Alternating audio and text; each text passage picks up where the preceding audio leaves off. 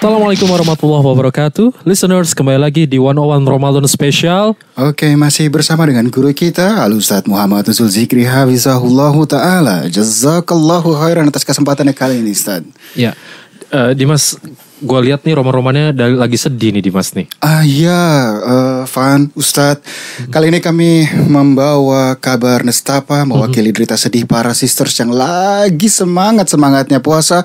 Tapi qadarullah datang bulannya. Oh, oke. Adakah nasihatnya untuk melipur lara para sisters yang sedang dirundung duka nestapa ini, Ustadz? Ya terima kasih. Alhamdulillah wassalatu wassalamu ala. Hmm, Yang pasti ada ya. Yang pasti ada. Alhamdulillah. Yang pertama sarannya adalah bersedih. Kenapa demikian? Karena ketika seorang wanita semangat beribadah, terus punya ekspektasi besar di Ramadan, lalu qadarullah datang bulan, sehingga dia nggak bisa sholat, dia nggak bisa puasa, lalu dia sedih karena dia nggak bisa ibadah, maka sedihnya itu adalah bukti keimanan di dalam sanubarinya. Dan sedihnya itulah yang akan membuat dia mendapatkan pahala dari Allah Subhanahu wa taala dan bisa mendapatkan pahala seperti saudari-saudarinya yang lain yang eh, dalam kondisi normal mereka puasa dan mereka sholat. Mungkin kita masih ingat ya apa yang terjadi di perang Tabuk. Ketika itu Nabi SAW akan berperang bersama para sahabatnya akan berjihad. Lalu ada sebagian sahabat yang miskin, yang nggak punya modal, yang nggak punya uang, itu nggak bisa ikut bersama rombongan dan kafilah jihad Nabi Shallallahu Alaihi Wasallam. Karena zaman dahulu jihad pun butuh modal dari masing-masing person, nggak bisa di cover semua oleh Nabi Shallallahu Alaihi Wasallam. Akhirnya mereka menghadap ke Nabi Shallallahu Alaihi Wasallam. Mereka mengadukan kondisi mereka yang ingin banget ikut berjihad bersama Nabi mereka tercinta Sallallahu Alaihi Wasallam, tapi nggak mampu, nggak punya uang, nggak punya bekal. Maka Nabi Shallallahu Alaihi Wasallam meminta maaf kepada mereka dan menyampaikan bahwa beliau benar-benar nggak bisa mengajak mereka untuk kali ini. Dan komunikasi itu diabadikan di dalam surat At-Taubah ayat 92 dan di ayat tersebut mari kita lihat bagaimana Allah menyampaikan perihal mereka. Kata Allah Subhanahu wa taala dalam firman-Nya tawallau. Mereka pulang ke rumah mereka wa ayunuhum tafidu minad dama. Dan mereka pulang dalam kondisi air mata mereka menetes hazanan. Sedih sekali hati mereka. Allah yajidu ma yunfiqun. Karena mereka nggak punya uang untuk berinfak fisabilillah.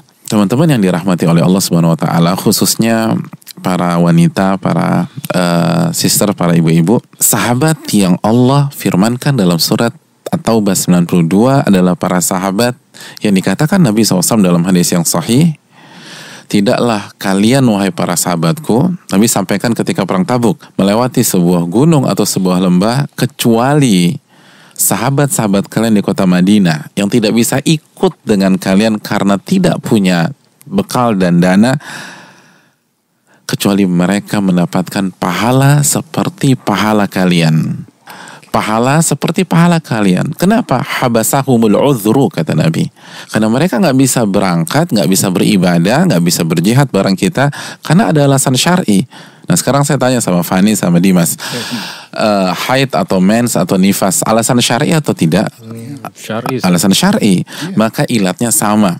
Oleh karena itu apabila seorang wanita semangat 45 untuk beribadah khususnya ketika 10 hari terakhir Ramadan ya Oh, itu iya. kepukul banget tuh.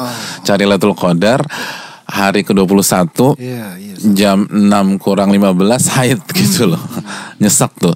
Nah itu menunjukkan ada iman dan sedih mereka itu yang bisa mengantarkan mereka mendapatkan pahala dari Allah Subhanahu wa taala jadi sedih itu penting.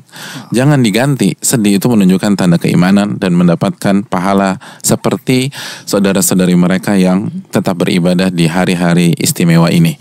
Yang kedua poin yang kedua semua kita khususnya eh, para wanita ya para eh, para ibu-ibu mungkin juga dan para sisters kita harus kembali meresapi dan menyelami apa tugas kita di dunia Allah menyatakan dalam surat Adz-Dzariyat 56, "Wa ma khalaqtul jinna wal insa illa liya'budun." Tidaklah aku ciptakan jin dan manusia kecuali untuk beribadah kepada diriku. Jadi tugas kita itu untuk beribadah.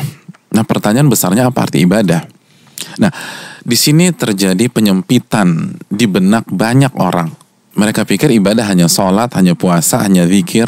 Padahal kalau kita membuka buku tafsir klasik, maka kita akan menemukan penjelasan ibadah dalam ayat ini dari lisan Al-Imam Mujahid murid dari Abdullah bin Abbas. Kata Imam Mujahid, mana ibadah dalam ayat ini adalah li'amurahum anhahum.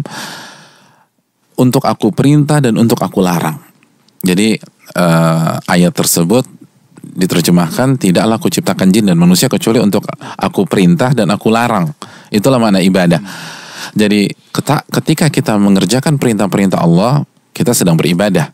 Dan sebaliknya, pada saat kita menjauhi larangan-larangan Allah, kita pun sedang beribadah. Oke, kita masuk ke dalam konteks kita. Ketika wanita sedang haid atau mens, ada larangan apa tidak dari Allah kepada mereka? Jawabannya ada. Mereka dilarang sholat. Mereka dilarang puasa. Maka ketika mereka tidak sholat dan tidak puasa karena Allah, niatnya untuk menjalankan syariat Allah, maka mereka sedang beribadah kepada Allah Subhanahu wa taala. Jadi tanggal 21 nggak puasa, 22 nggak puasa, 23 nggak puasa. Karena menjalankan syariat Allah maka dia sedang beribadah. Malam 21 nggak uh, tahajud, nggak sholat isya, nggak sholat maghrib.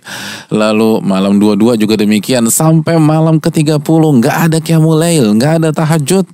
Karena menjalankan syariat Allah maka mereka sedang beribadah di 10 malam terakhir di bulan Ramadan. Pahala jelas pahala.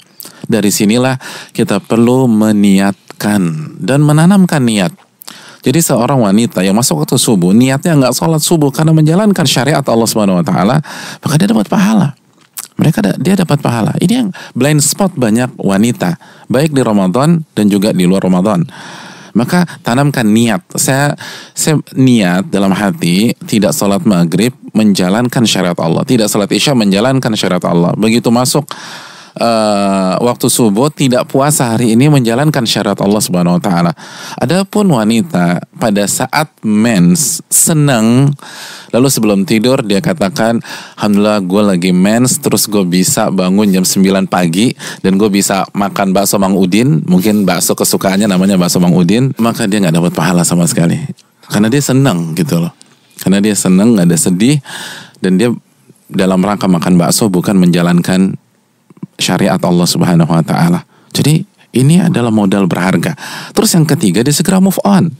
Artinya kerjakan lumbung pahala yang lain gitu loh. Masih banyak ibadah-ibadah yang bisa dikerjakan di hari-hari mulia ini. Dia bisa berzikir, dia bisa jangan lupa baca zikir pagi petang. Karena Nabi SAW karena yadkurullah ala kulli ahwani. Nabi itu berzikir dalam segala kondisi, baik uh, dalam kondisi suci atau tidak suci, sebagaimana hadis Muslim. Jadi banyak zikir.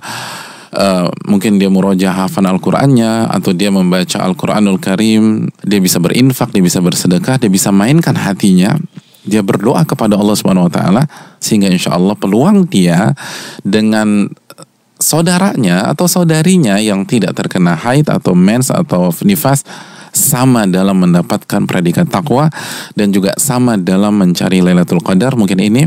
Dan semoga istri-istri kita dan adik-adik kita, kakak-kakak perempuan kita, ibu-ibu kita, tante-tante kita dan para wanita yang lain bisa tetap fokus mencari predikat takwa dan Lailatul Qadar di Ramadan kali ini. Mungkin itu. Terima kasih. Baik, terima kasih atas jawaban dan penjelasannya Ustaz. Subhanakallah wa bihamdik asyhadu alla ilaha illa anta astaghfiruka wa atubu ilaik.